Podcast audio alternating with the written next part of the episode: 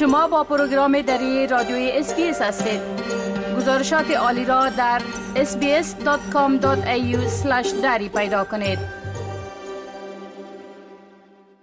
شنوندگان عزیز به فصل سرما نزدیک میشیم و با آمدن تغییرات در آب و هوا اکثر مردم بیماری های ریزش و انفلونزا مبتلا میشن. ما به خاطر دانستن بیشتر این نوع بیماری ها و راه های تداوی و وقایش از محترمه دکتر نیمه انصاری دعوت کردیم تا در این مورد بیشتر معلومات بدن. دکتر صاحب نعیم انصاری سلام خدمتتان و تشکر از اینکه دعوت ما را پذیرفتین. اگر در آغاز لطف کنین و بگوین که انفلونزا را چطور می‌تونیم شناسایی کنیم و با ریزش ها و فلوی عادی چی فرق داره؟ سلام با شما با شنوندگان رادیو اس. خوشحال هستم که باز با شما هستم. خب انفلوئنزا یک مرض انتانی است که ویروس انفلوئنزا سبب از این مرض میشه. و ایره می‌تونیم که دالت در زبان عادی ریزش میگیم اما این از ریزش عادی که عموما کامن کولد بگن از او یک نوع شدید ترش می‌باشه. و عراض علایمش قسمی است که ریزش بینیز گرون دردی و سلفه جان دردی کسالت یا خستگی بسیار شدید تب و همچنان بعض وقتها سبب استفراغ و سرزدی هم شده می‌تونم و شناسایی امی اراز علائم اراز علائم می‌تونن توسط شناسایی کنیم. و همچنان مرض انفلوئنزا زیادتر در فصل زمستان دیده میشن خب بیماری انفلوئنزا چقدر خطرناک است؟ آیا این مرض کشنده است؟ خب ببینین انفلوئنزا به این تعلق داره که کی مصاب انفلوئنزا میشه. اگر یک شخصی که مثلا سن دو بالاتر است و خودش صحتمند است کدام ترکیب دیگه نداره اینفلوئنزا قابل تشویش نیست و عموما یک مریضی ریزش شدید ترتی می‌کنن و هیچ کدام اختلاط ندارن.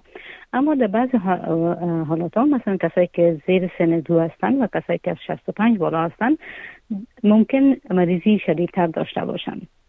و همچنان ممکن است که بعض اختلاطات هم در دیده شود که از جمله مثلا نیمونیا که سینه بغل میگیم ممکن سینه بغل شدید شوند و همچنان کسای خصوصا کسایی که نفس تنگی دارن ممکن یک حمله بسیار خطرناک نفس تنگی برشان پیدا شود و همچنان کسایی که بعض مرض های مزمن یا مرض های دوامدار دارن در اونها ممکن بعض تکالیف دیگر که هم تکلیف قلبی و تکلیف گرده ها یا جگر ایره هم بیشتر می‌سازه و اگر به وقت تداوی نشه ممکن کشنده باشم.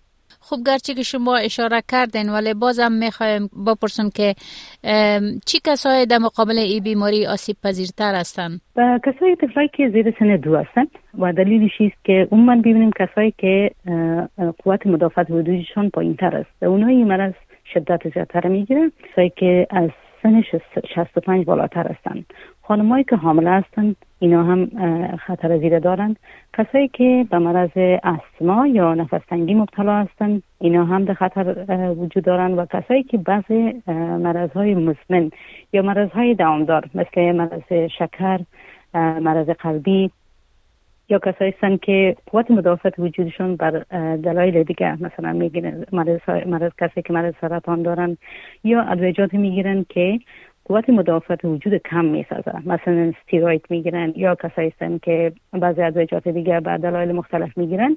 به اینا خطر از این زیادتر وجود دارن آیا راههای برای وقایه از مبتلا شدن به انفلوئنزا وجود داره؟ بهترین راه وقایه از مرض انفلوئنزا واکسین می‌باشه. که او رو به نام flu shot یا واکسین ریزش میگن. و واکسین رزش عموما در ماه اپریل کمی ماه فعلی که است پروسه شروع میشه. و دلیلش است که خود واقعات انفلوئنزا زیادتر در ماهای زمستان که از جون تا سپتامبر است زیادتر دیده میشه. واکسین وظیفش است که وجود ما را آماده می‌سازه مقابل این ویروس؟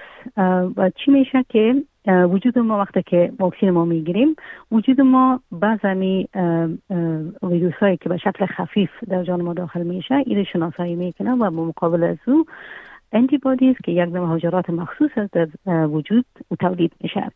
اینا وقتی که ویروس اصلی داخل وجود ما میشه body ما یا وجود ما رو شناسایی می‌کنه و ویروس از بین می‌بره.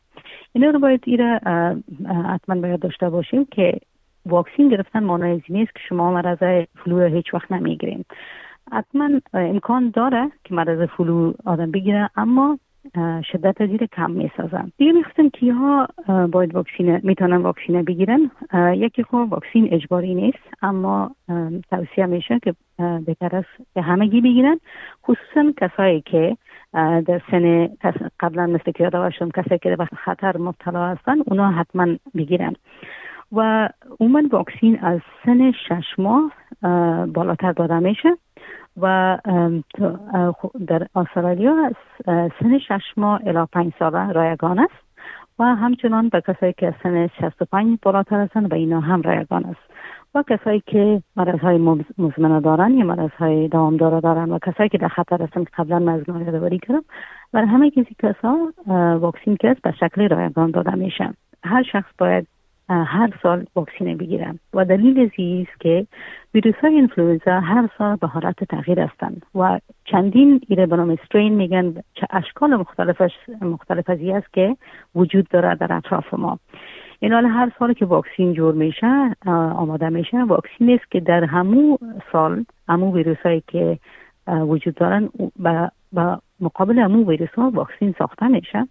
و از خاطر اگر شما سال قبلی واکسین گرفتین این سال این ویروس هایی که وجود داره او واکسین تان سر از کار نمی‌کنه. از این خاطر مهم است که هر سال واکسین جدید باید گرفته شود. یک راش واکسین است برای دیگهش ایست که حفظ صحه بسیار مهم است این قسمت چون یک مرض انتونیست باید بسیار احتیاط کنیم خصوصا در قسمت همی که کسایی که خودشان مریض هستند تاو دارن و عراض علائم دارن بهتر است که بیرون نروند چرا که دیگر را مصاب می‌سازن. و همچنان در داخل خانه دستا شسته شوه و یا امرای مای ضد عفونی دستای خانه باید پاک کنن خصوصا کسایی که خودشان رزش دارن و بسیار احتیاط کنن که چیز که به تماس می‌گیرن امرای دشان تماس می‌گیرن دستای خود قبلا پاک کنن. چرا؟ به خاطر از که این به دیگران انتقال میابه و همچنان به شکل که مثلا صحبت می‌کنیم یا نزدیک دیگه میشیم در اون صورت هم امکان انتشار مرض است. دکتر صاحب تداوی انفلونزا چیست؟ خب تداوی کسایی که مرض بسیار شدید ندارن عموما تداویش نمیست که استراحت کنند در خانه و برای جاندادی و کسالت عموما مرض برای جاندادی و کسالت عموما توصیه می‌کنیم که پرستامول بگیرن. و دیگه مایات بیشتر مایات گرم خصوصا زیادتر بگیرن و استراحت کنند اما کسایی که مریضی بسیار شدید دارند باید حتما به دکتر خود مراجعه کنند و بعض وقتا اینتی ویروس میگن که یک نوع ادویجات است که برای کشتن ویروس ها است. که اگر کسی بسیار مریض شدید دارند برای اینتی ویروس توصیه میشه و مو می‌تونه که از اختلاطات از جلوگیری کنه. خب دکتر صاحب انصری تا جایی که شما توضیح دادین این بیماری انفلونزا بسیار شبیه کرونا است. طبعا کرونا را با تست کردن می‌تونیم که معلوم کنیم که کرونا است یعنی فرقش چی است با کرونا؟ اراز و علائمش تا چی اندازه شبیه کرونا است؟ خود فرق بین انفلونزا و کرونا ببینیم قدر زیاد نیست. چون دویشون اعراض علائمش در دویشان یک به یک شکل می باشه و بسیار مشکل است که از نگاه اعراض علائم ما فرق بتانیم. دیگه راهی که می‌تونیم اینا رو شناسایی کنیم رای تست است که توسط تست می‌تونه که معلوم شود. بعض وقتا ممکن از دو مرض یک دوشان به یک وقت باشه اما بسیار نادر است.